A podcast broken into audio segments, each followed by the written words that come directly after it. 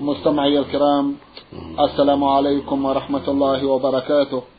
وأسعد الله أوقاتكم بكل خير. هذه حلقة جديدة مع رسائلكم في برنامج نور على الدرب.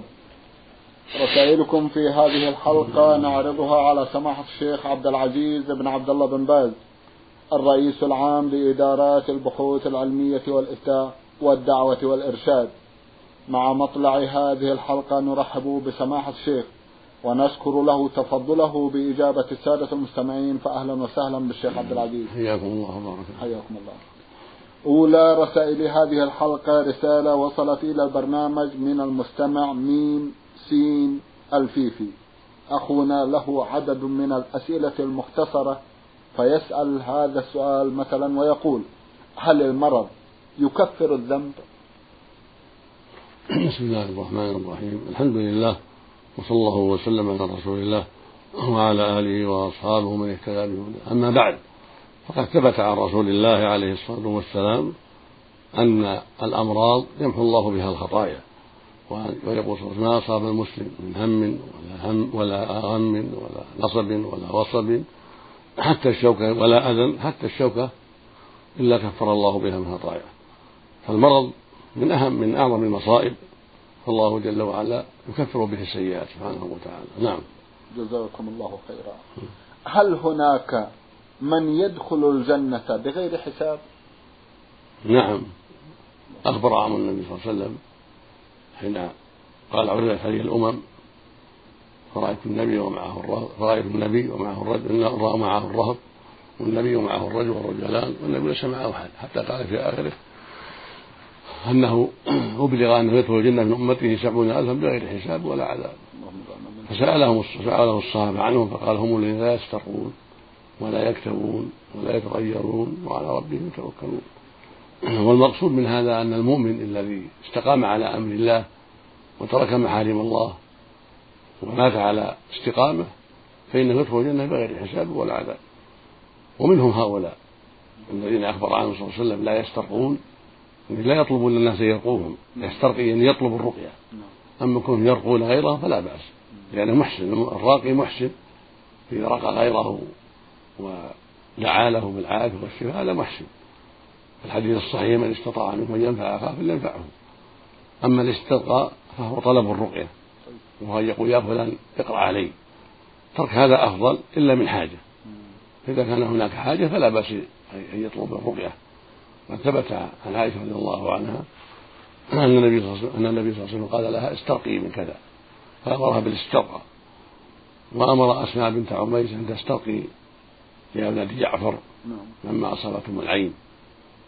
قال عليه الصلاة والسلام لا رقية إلا من عين أو حمى فالاسترقاء عند الحاجة لا بأس لكن تركه أفضل إذا تيسر علاج آخر. وهكذا الكي تركه أفضل إذا تيسر علاج آخر. لقوله صلى الله عليه وسلم الشفاء في ثلاث شربة عسل وكية نار شربة عسل نعم. وكية نار الشفاء في ثلاث كية نار أو شربة عسل وحرف وحرف وحرف من القرآن لا الشفاء في ثلاث كية نار وشربة عسل قال في آخره وما أحب أن أكتوي. فالمقصود أن وفي لفظنا قال وأنا أنهى أمتي عن الكي.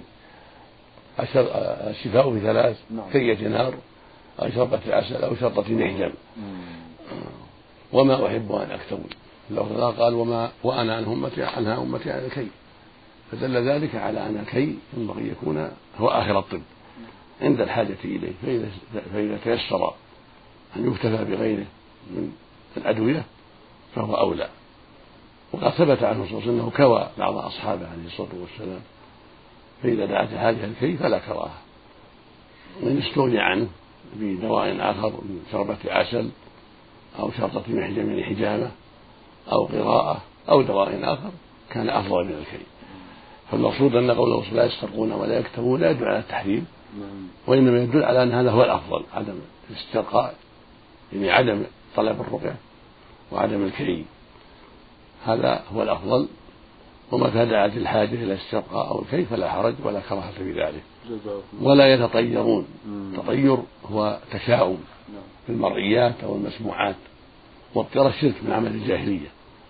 فهؤلاء السبعون يتركون ما حرم الله عليهم من الطيرة وما كره لهم من الاسترقاء والكي عند عدم الحاجة إليه. وعلى ربهم يتوكلون. يتركون ذلك ثقة بالله واعتمادا عليه وطلبا لمرضاته. والمعنى أنهم استقاموا على طاعة الله وتركوا ما حرم الله وتركوا بعض ما أباح الله. إذا كان غيره أفضل منك الاستقاء والكيف يرجون ثواب الله ويخافون عقابه ويتقربون إليه بما هو أحب إليه سبحانه وتعالى عن توكل عن ثقة به واعتماد عليه سبحانه وتعالى. وجاء في رواية أخرى أن الله زاده مع كل ألف سبعين ألف. وفي بعض الروايات الأخرى وحثيات من حثيات ربي. وهذه الحثيات لا يعلم مقدارها إلا الله سبحانه وتعالى. والجامع في هذا أن كل مؤمن استقام على أمر الله وعلى ترك محارم الله ووقف عند حدود الله فهو داخل في السبعين داخل في حكمهم لأنه يدخل الجنة بغير حساب ولا عذاب. نعم. جزاكم الله خيرا ونفع بعلمكم. يسأل أخونا سؤالا آخر فيقول مثلا سماحة الشيخ ما هو لباس المرأة في الإحرام؟ ليس لها لباس خاص فلو أحرمت في ثيابها العادية أجزأ ذلك. ولكن الأفضل أن تكون ملابسها ملابس لا تلفت النظر ليس فيها شهرة وليس فيها زينة تلفت النظر. بل تكون ملابس عادية ليس فيها جمال. يلفت أنظار الرجال كالأسود السادة والأحمر السادة والأخضر ونحو ذلك الذي ليس فيه جمال يلفت الأنظار هذا هو الأفضل لها والأحسن لها. ولو أحرمت في ملابسها العادية جاز ذلك وصح ذلك. ولكن الأفضل لها أن تحرم في في ملابس آه، لا تلفت النظر. يعني ليس فيها ما يسبب فتنة الرجال بها هذا هو الأفضل لها. مع سترها ما قد يفتن حلي أو غيرها. نعم. جزاكم الله خيرا. أخونا يسأل ويقول بماذا نحارب الجهل والأمية؟ وهل هما شيئان مختلفان أم أن لكل واحد منهما حد معين وما هو؟ جزاكم الله خيرا. الجهل والأمية يحرمان بالعلم بالتعلم والتفقه في الدين وتدبر القرآن الكريم حضور مجالس العلم وسؤال أهل العلم. بهذا يحارب الجهل وتحارب الأمية. يكون المؤمن والمؤمنة يتدبران القرآن ويكثران من قراءة القرآن بالتدبر والتعقل والاستفادة. وكذلك بمراجعة أحاديث الرسول صلى الله عليه وسلم والعناية بما ذكره أهل العلم في تفسير القرآن وفي بيان الأحاديث وما دلت عليه. وهكذا بحضور مجالس العلم وحلقات العلم. وهكذا بصحبة الأخيار من أهل العلم. هكذا بسؤال أهل العلم. كما قال الله سبحانه فاسألوا أهل الذكر إن كنتم لا تعلمون. وروي عنه عليه الصلاة والسلام أنه قال لما أفتى قوم بجهل قال ألا سألوا إن لم يعلموا؟ إنما شفاء العي السؤال. بهذا تحارب الجهالة ويحارب تحارب الأمية. والجهل أعم من الأمية. كل أمي قد يكون جاهلا ولكن ليس كل جاهل كل جاهل أميا. فالجهل أعم فقد يكون متعلما وليس بأمي ولكن يجهل مسائل كثيرة وتخفى عليه مسائل كثيرة. فدواء ذلك التعلم والتفقه في الدين. حتى يزول الجهل. وقد يكون عالما بالصلاة جاهلا بالزكاة. قد يكون عالما بالصلاة والزكاة جاهلا بأحكام الصيام. قد يكون عالما بالعقيدة والصلاة والزكاة والصيام لكنه جاهل بأحكام الحج. قد يكون عالما بالعبادات لكنه جاهل بأحكام المعاملات جاهل بأحكام الطلاق والنكاح إلى غير هذا. فالعلم يتبعض والجهل يتبعض. فدواء الجهل مطلقا دواؤه التعلم والتفقه في الدين. ودواء الأمية كذلك التعلم والتفقه في الدين. نعم. إذا وصف أمة الإسلام بأنها أمية يكون ماذا لو تكرمتم شيخ الغالي هذا هو الأصل فيهم الأصل في هذه الأمة أنها الأصل. أمية. الأصل. في عدم عدم العلم هذا هو الأصل. ونبينا صلى الله عليه وسلم أمي لأنه ما كان عنده علم قبل أن يوحى إليه عليه الصلاة والسلام. ما كان يقرأ ولا يكتب. كما قال الله عز وجل وما كنت تدعو من قبله من كتاب ولا تخطه بيمينه اذا لارتاب المبطلون. فما كان قارئا وما كان شاعرا وما كان يخط حتى علمه الله وأنزل هذا الكتاب العظيم. فالأمي الذي نسب لأمة يعني بقي على الجهل ليس له عنده علوم وليس عنده كتابة. نعم. فإذا تعلم العلم ليس لم لم يكن أميا. وإذا كان يكتب العلم وينقل المسائل العلمية ويحسن الكتابة لم يكن أميا وإنما الأمي الذي لا يحسن القراءة ولا يحسن الكتابة حتى يستفيد من علمه الذي علمه أو مما يكتبه عن العلماء. فكان النبي صلى الله عليه وسلم مثل ما قال الله وجل ضالا فهدى جاهلا بالعلوم التي جاء جاء بها الوحي.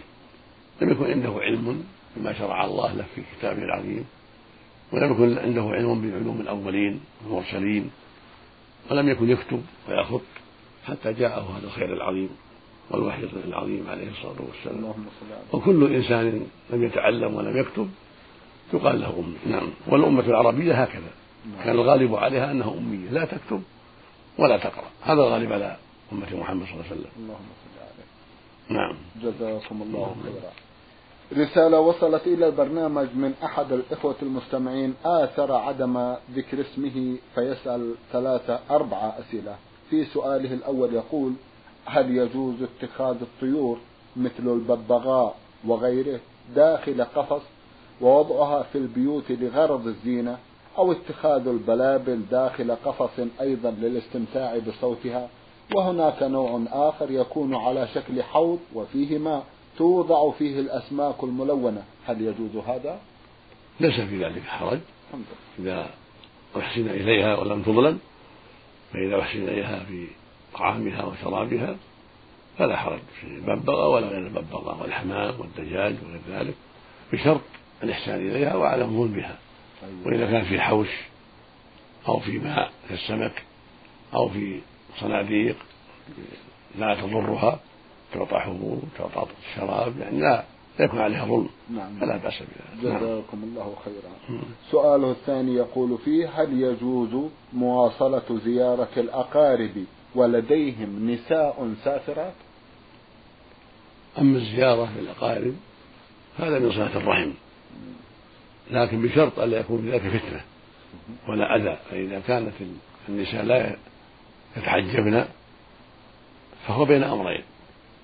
إما أن يزور ويأمر بالمعروف وينهى عن المنكر ويعلمهن أن هذا لا يجوز وأن عليهن التستر والحجاب فإن فعلن ذلك فالحمد لله حصل بذلك صلاة الرحم وإزالة المنكر. أما إن كانت زيارته يترتب عليه رؤية النساء والاستمتاع بالنساء هذا لا يجوز. أو أمرهن بالمعروف ولكن لم يمتثلن ولم يبالين كذلك. لا لا يزورهن لأن هذا قد يسبب فتنة عليه وشرا عليه. نعم. لكن يحسن إليهن من من جهة أخرى بالمال إن كنا فقراء بالنصيحة ولو بالمكاتبة ولو بالهاتف ولو بوصية إخوتهم إخوتهن أو أبيهن أو جدهن أو أعمامهن بالنصيحة الواجبة. لأن حضوره إليهن ومشاهدته لهن قد يترتب عليها شر وفتنة. نعم. جزاكم الله خيرا ونفع بعلمكم. يسأل أخونا في سؤاله الثالث عن درجة القرابة التي تكون فيها صلة الرحم واجبة ويحرم قطعها. القرابة بينها الرسول صلى الله عليه وسلم. قال في الحديث الصحيح لما سأل الرجل قال يا رسول الله من أبر؟ قال أمك. قال ثم من؟ قال أمك. قال ثم من؟ قال أمك. قال قال ثم من؟ قال أباك. ثم الأقرب فالأقرب. في اللفظ الآخر أختك وأخاك وأدناك فأدناك فأول الأقارب وأحقهم بالسهل الآباء والأمهات والأجداد والجدات. ثم الأولاد وأولادهم من الذكور والإناث. ثم الإخوة وأولادهم ذكورا وإناثا ثم الأعمام والأخوال والخالات والعمات وأولادهم. ثم الأقرب فالأقرب من العم. درجات. نعم فأولاهم وأحقهم بالصلة الواجبة للآباء والأمهات والأجداد والأجداد. هم أحق الناس. وأحقهم على الإطلاق الأم. نعم. ثم هكذا الأب في الدرجة الرابعة. وهكذا الجدة والأجداد. المقصود أن الأصول والفروع هم أحق الناس بالبر والصلة. ثم يليهم الحواشي من الإخوة والأخوات والأعمام والعمات وأولادهم إلى آخره. الأقرب فالأقرب نعم. والصلة واجبة حسب الطاقة حسب الطاقة. فإذا استطاع أن يصل الأب والأم وصلهما ولا يلزمه صلة الأولاد والإخوة إذا عجز. فإذا وصل الأولاد والآباء والأمهات ولكن عجز عن الإخوة سقط عنه ذلك. فإذا استطاع أن يصل الإخوة سقط عنه عما عجز عنه صلة بنيهم وصلة الأعمام والعمات والأخوة هكذا. الأقرب فالأقرب مع القدرة. إذا كانوا فقراء. نعم. أما إذا كانوا أغنياء فالصلة تكون بالكلام الطيب. والزيارة الحسنة.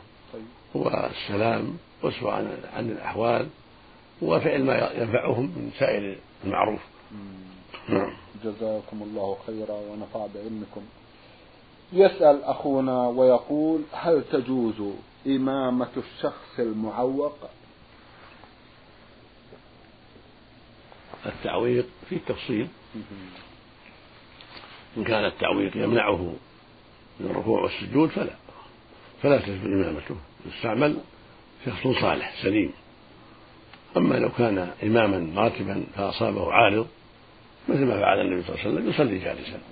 ولا حرج في ذلك إذا كان هو الإمام الراتب هو الإمام الحي. أما إنسان ليس بإمام راتب فلا يقدم يصلي وهو معوض يصلي قاعدا أو لا يركع أو لا يسجد بل يلتمس إنسان صالح يستطيع الركوع والسجود ونحو ذلك. أما إذا كان معوق لا يمنعه ذلك فيه عوق فيه مرض في رجله في يده لكن لا يمنعه من الصلاة قائما وراكعا وساجدا فلا لا بأس لا يضره هذا ولا حرج في ذلك. نعم. جزاكم الله خيرا. رسالة وصلت إلى البرنامج من الجمهورية العراقية وباعثها مستمع من هناك يقول أخوكم في الله فعين رأي. أخونا رسالته مطولة. تشكو من حالة هو فيها ذلكم أنه وقع له حادث سيارة وأفقده السيطرة على نفسه نتيجة إصابته بالشلل النصفي. عين عين أخونا رسالته مطولة في الواقع. تصف حاله بأنه أصيب بحادث سيارة وذلكم الحادث أفقده السيطرة على نفسه بأنه أصيب بشلل نصفي. وهو في الحالة هذه يسأل سماحة الشيخ عن الوضوء وعن الصلاة وعن قراءة القرآن كيف يكون حاله. جزاكم الله خيرا. يعمل بقوله سبحانه فاتقوا الله ما استطعتم. وقول النبي صلى الله عليه وسلم وقول النبي صلى الله عليه وسلم إذا أمرتم بأمر فأتوا ما استطعتم. فإذا كان أصابه الشلل وأفقده القيام فإنه يصلي على حسب حاله يصلي قاعدا طيب. ويركع ويسجد إذا استطاع ذلك وهو قاعد. مثل ما قال النبي صلى الله عليه وسلم عمران بن حسين صلي قائما فإن لم تستطع فقاعدا فإن استطع على جنب. خرجه البخاري رحمه الله في الصحيح. خرجه النسائي بزيادة فإن لم تستطع فمستلقيا هذا هو الواجب فاتقوا الله ما استطعتم. وإذا عجز عن الماء تعفر بالتراب تيمم. إذا كان معه مرض يضره الماء نعم. تعفر بالتراب يحضر له التراب ويضرب التراب بيديه. يمسح به وجهه وكفيه عند الحاجة وله الجمع إذا شق عليه أن يصلي كل صلاة في وقتها فله الجمع بين الظهر والعصر من المغرب والعشاء كسائر المرضى أما ما يتعلق بالحاج بالدور والقبول نعم. فهذا يكفيه مسحها بالمناديل ونحوها ولا حاجة إلى الماء فإن استعمل الماء وقدر على الماء فلا بأس طيب. الماء أكمل وأفضل فإذا لم يتيسر له ذلك فإنه يستعمل الاستجمار بالمناديل بالحجارة باللبن. والمناديل أرفق به. فيستعمل مناديل خشنة طاهرة يمسح بها الدبر والذكر عن البول وعن الغائط ثلاث مرات فإن لم تكفي زاد رابعة وخامسة إلى آخره والأفضل أن يقطع على وتر إذا زاد رابعة وكفت استحب له يزيد خامسة حتى يكون استجماره على وتر وإذا لم تكن الخامس زاد سادسة. إذا كفت السادسة استحب يزيد سابعة حتى يقطع على وتر والمهم أنه يستعمل من المناديل ونحوها ما يزيل الأذى. بشرط أن يكون ثلاث فأكثر لا ينقص عن ثلاث. لقوله صلى الله عليه وسلم لأنه نهى أن يستمر بأقل من بأقل من ثلاث. فإن كفت الثلاث في زاد الأذى من الدور والقبول فالحمد لله. وإن لم تكفي زاد حتى يزول الأذى. والأفضل أن يقطع على وتر خمس أو سبع وهكذا ولا حاجة إلى الماء حتى ولو قدر على الماء. الاستثمار يكفي لكن الماء أفضل فإن جمع بينهما يعني استطاع يجمع بينهما فزال الأذى بالمنديل أو بالحجر ثم استنجى بالماء هذا خير للأخير وهذا أكمل وأفضل. ولكن كل واحد يكفي الماء وحده يكفي نعم. فالاستمار وحده يكفي حتى من الصحيح. نعم. جزاكم الله خيرا. وكونه لا يستطيع البقاء على وضوء ربما ولا الوقت الكافي لأداء الصلاة في حتى يتقي الله ما استطاع. يتوضأ لكل صلاة. أيوه. فإذا كان معه أو يعني أصابه لما أصابه الشلل انطلق يعني نعم نعم. الدبر أو انطلق ذكر هذا مفهوم. فصار لا يستطيع نعم. فإنه يصلي على حسب حاله. لكن يتوضأ لوقت كل صلاة. طيب. إذا دخل وقت الظهر أيوه. يستنجي ويتوضأ وضوء الصلاة أو يتيمم على حسب طاقته نعم. ثم يجمع بين الصلاتين وهكذا المغرب والعشاء. يجمع بين الصلاتين؟ إذا شق عليه. إذا شق عليه. يعني المرض نعم. فإن كان ما شق عليه فإنه يصلي في صلاة صلاة في وقتها. جزاكم الله خيرا. والمستحاضة مثل المستحاضة وصاحب السلس. العاجز. العاجز عن الجماعة عن حضور الجماعة. نعم. مثله صلي جمعا إذا شق عليه كل صلاة في وقتها وهو أرفق به. وإن وإن وإن صلى كل صلاة في وقتها فلا بأس. نعم. جزاكم الله خيرا. أما الرجل لا يصلي مع الجماعة إذا كان يستطيع. إذا كان يستطيع. يصلي مع الجماعة ويتوضأ لوقت كل صلاة. نعم. جزاكم الله خيرا. بالنسبة لقراءة القرآن؟ يقرأ القرآن. نعم. إذا توضأ يقرأ القرآن. وإن من انتقض من المصحف من المصحف. وإن انتقض إلى الوقت الآخر. ما بين الوقتين يقرأ القرآن وإن انتقض الوضوء. وإن انتقض كان. صاحب سلس مستمر معه نعم نعم. إذا توضأ للظهر يقرأ إلى العصر. توضأ المغرب يقرأ إلى العشاء كما يصلي. كما يصلي. لو تطوع بين الظهر والعصر وتطوع بين المغرب والعشاء ولو خرج معه البول لأنه عاجز. عاجز. فهو مثل المستحاضة سواء بسواء. يصلي ويقرأ ما بين الوقتين. نعم. الواقع هذا يسر الحمد يبطل لله. عنه كثير هذا من. تيسير الله هذا من تيسير الله والحمد لله. نعم. حبذا لو تفضلتم بكلمة حول يسر الإسلام في مثل هذه الأحكام شيخ عبد العزيز. الله جل وعلا يقول سبحانه في كتابه العظيم يريد الله بكم اليسر. ويقول عز وجل وما جعل عليكم الدين من حرج فمن رحمة الله سبحانه وتعالى أن صاحب السلس وهو البول الدائم أو الريح الدائمة وهكذا المستحاضة معها معها الدم الدائم ما يقف عنها غير دم الحيض يعني دم دائم يقال له الاستحاضة نعم. هؤلاء وأشباههم لهم الجمع بين الصلاتين ويكفيهم الوضوء لوقت كل صلاة من تيسير الله إذا دخل وقت الظهر يتوضأ لوقت الظهر ويصلي لوقت العصر ويتوضأ لوقت العصر وهكذا المغرب والعشاء. يعني كل صلاة يتوضأ لوقتها نعم. لأن حدثه دائم. من سلس أو ريح أو استحاضة ونحو ذلك. وما بين الوقتين يصلي فيه ما شاء ويقرأ القرآن ويطوف في مثل مكة ولا حرج في ذلك لأنه معذور. وصار في حكم الطا- الطاهرين نعم. والطاهرات ما بين الوقتين. طيب.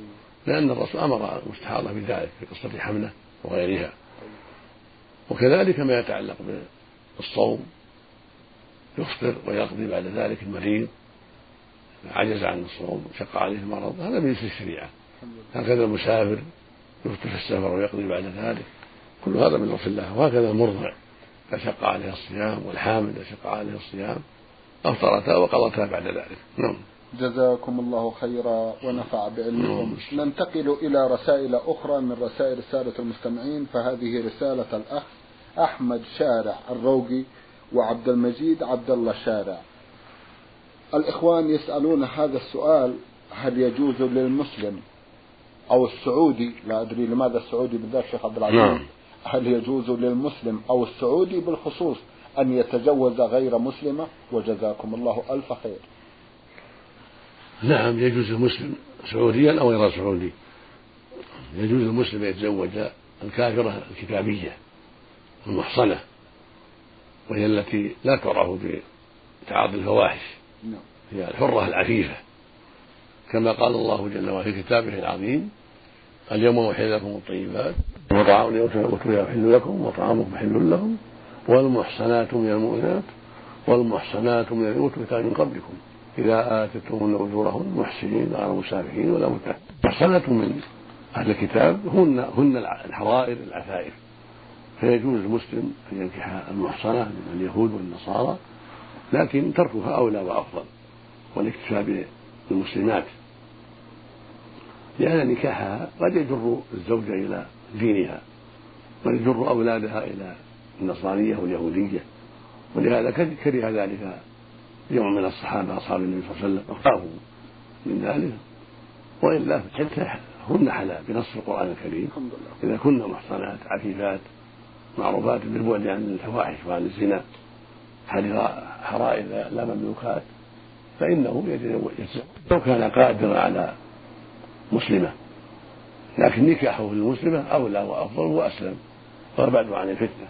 له ولأولاده نعم. جزاكم الله خيرا. أما غير أهل الكتاب فلا. أيوة. كالملاحدة من الشيوعيين نعم. أو الوثنيين. بهم من سائر الكفرة. هؤلاء لا يجوز نكاح نسائهم. إنما هذا خاص بأهل الكتاب اليهود والنصارى. أما بقية الكفار فلا يجوز المسلم أن ينكح منهن أحدا. نعم. جزاكم الله خيرا. والأمر كما سماحة الشيخ هو مباح والحمد لله. لكن هل يشترط في الكتابية شروط معينة أو أن الأمر على الإطلاق؟ مثل ما قال محصنات غير مسافحات لا يكون لا يكون زواني يكون معروفات بالستر. طيب. والبعد عن الفاحشة أما يكون طيب. لا مسلمة ولا كافرة. لكن ينكحها إذا تأكد عن حالها وأنها محصنة يعني عفيفة. نعم. فإذا تأكد عن حالها بشهادة العارفين بها تزوجها. ومع هذا كله فتركها أفضل. أيوة. ولو كانت محصنة ولو كانت عفيفة تركها أولى وأفضل نعم. لأن هذا أسلم لدينه. لأنه قد تجره يجره حبه لها إلى أن يعتنق دينها أو يتساهل في دينه. نعم. وقد يجر أولادها كذلك إلى أن يكونوا مع أمهن في اليهودية أو النصرانية وقد يطلقها وتذهب بأولاده إلى بلادها أو إلى جماعتها. فالحاصل أن في خطر أن في خطرا كما قاله الصحابة رضي الله عنهم. نعم. جزاكم الله خيرا. فيما يخص دينها شيخ عبد العزيز. دينها كافرة. كافر نعم. لكن سماهم الله يشترط كف... سماهم الله كفار لكن هل يشترط عليها أن جل- تكون ملتزمة بشيء من قال دينها؟ كما قال سبحانه لم يكن إلا من أهل الكتاب والمشركين لم يكن كفروا من أهل الكتاب والمشركين. سماهم كفرة. نعم. المقصود أنهم كفرة. اليهود والنصارى كفرة ومشركون أيضا. أيوة. ولكن عند الإطلاق أيوة. المشركون عباد الأوثان. أيوة. وأهل الكتاب هم اليهود والنصارى. وقد يطلق اسم الشرك على الجميع. كما في قوله سبحانه يا أيها الذين آمنوا إنما المشرك نجس. فلا يقربوا الحرام بعد عامهم هذا. هذا يعم اليهود والنصارى وجميع المشركين. ليس لهم أن يقربوا المسجد الحرام. ولكن يستثنى من المشركين أهل الكتاب فلا مانع من نكاح نسائهم نسائهم إذا كن محصنات معروفات بذلك وترك ذلك أفضل.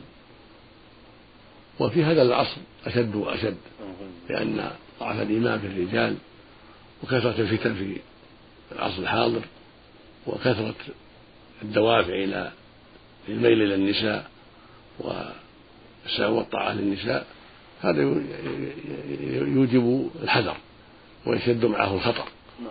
فتركها بكل حال أفضل. نعم. جزاكم الله خيرا. سماحة الشيخ في الختام أتوجه لكم بالشكر الجزيل بعد شكر الله سبحانه وتعالى على تفضلكم بإجابة السادة المستمعين. وآمل أن يتجدد اللقاء وأنتم على خير. نرجو ذلك. مستمعي الكرام كان لقاؤنا في هذه الحلقة مع سماحة الشيخ عبد العزيز ابن عبد الله بن باز الرئيس العام لإدارات البحوث العلمية والإفتاء والدعوة والإرشاد. شكرا لمتابعتكم وإلى الملتقى. وسلام الله عليكم ورحمة وبركاته.